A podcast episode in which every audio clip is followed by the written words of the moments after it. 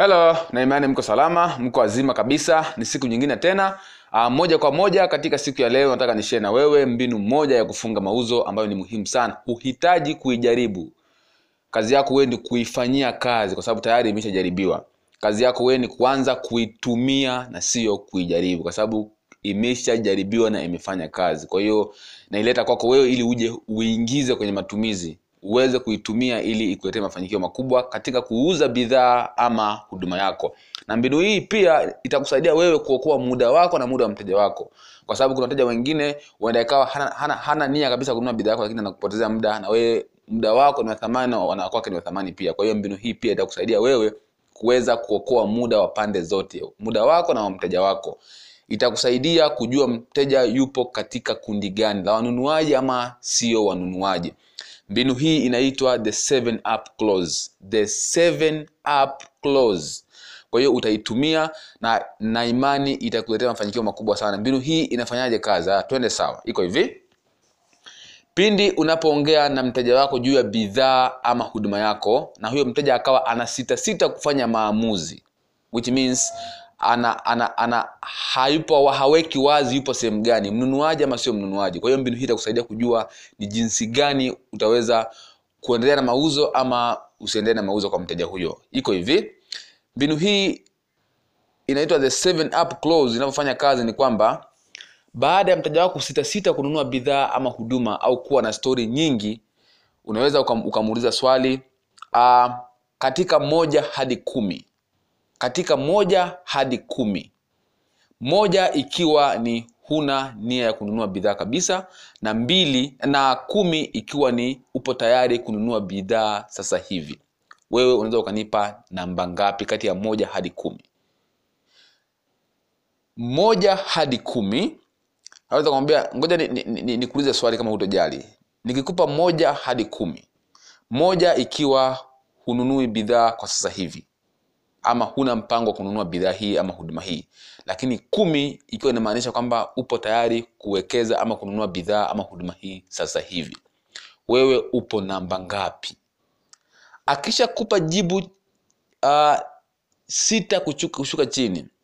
Yaani akishakupa jibu kuanzia namba sita kushuka chini huyo mteja achana naye. Hanunui bidhaa yako.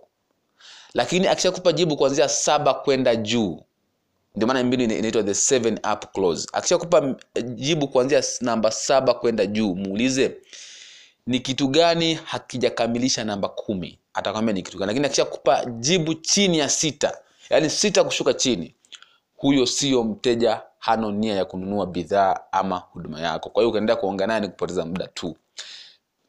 Mbinu hii iko tested okay? Iko tested na imefanya kazi na walioweka namba, namba sita kushuka chini which means wamejaribu kuanzia namba moja mbili tatu nne tano mpaka sita. Hakuna mteja ambaye alishawahi kusema namba sita kushuka chini akanunua bidhaa. Lakini wateja ambao walishawahi kusema kuanzia namba saba kwenda juu kwa asilimia 99.99 walisha walinunua bidhaa which means ndio maana ikaitwa the seven up clause which means mteja akishakupa namba yake ambao, ambao anaichagua kuanzia range ya, ya moja hadi kumi akakwambia ni namba saba kwenda juu aidha akupa nane tisa ujue kuna kitu kimoja tu ambacho bado hana uhakika nacho. Ukishamuuliza sasa ni, kitu gani ambacho hakijakamilisha namba kumi atakwambia ni kitu gani. Then unakazia kuhusu kitu hicho then unauza bidhaa ama huduma yako. Narudia tena jinsi mbinu hii inavyofanya kazi. Ukiwa unauza bidhaa ama huduma yako unapoongea na mteja na ukaona mteja ana sita sita kufanya maamuzi ya kununua bidhaa ama huduma mbinu hii ni rahisi sana kujua mteja wako ana nia gani. Ni mnunuaji ama sio mnunuaji. Unaweza ukamuuliza labda fulani labda juma naomba nikuulize swali kama hutojali. Nikikupa uchagua kuanzia namba moja hadi namba kumi utachagua namba ngapi? Moja ikiwa sasa hivi huna mpango wa kununua bidhaa ama huduma hii. Namba kumi ikimaanisha kwamba upo tayari kuwekeza ama kununua bidhaa hii sasa hivi. Wewe unachagua namba ngapi? Atakupa jibu. Then akikupa jibu chini ya sita kuanzia sita kushuka chini which means huyo mteja hana muda wa kununua bidhaa ama huduma yako. Hata huongeaje hata umwambie vitu gani ha, hanunui bidhaa ama huduma yako. Na kama unavyojua kwamba bidhaa yako sio kwa kila mtu kwa hiyo sio kila unayemuuzia bidhaa yako atanunua. Kuna wengine ambao hawatanunua hata uwape bure hawatachukua bidhaa yako.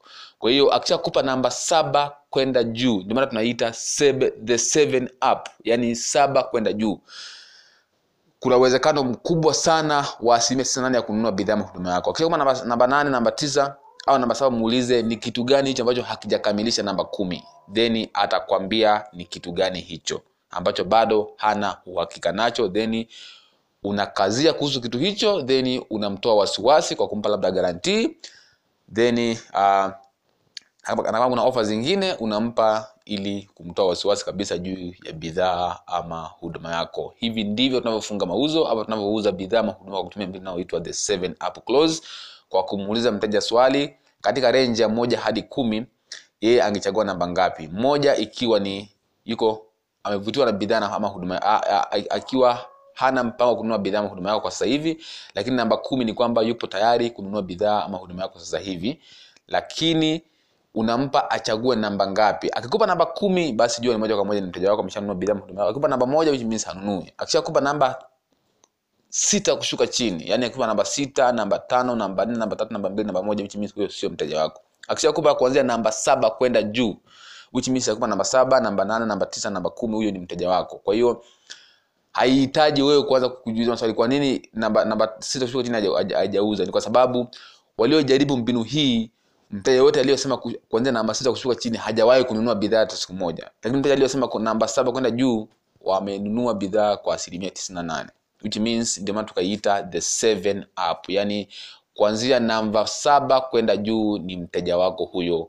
Ukimwelewesha uki, uki vizuri kuhusu bidhaa mahudumu yako ana uwezekano mkubwa sana wa kununua bidhaa mahudumu. Kwa hiyo mwambie ni vitu gani ambavyo havijakamilisha kumi akishakupa namba saba namba nane namba tisa muulize ni kitu gani hicho ambacho hakijakamilisha namba kumi ili uchukue bidhaa sasa hivi? Basi atakwambia ni kitu gani.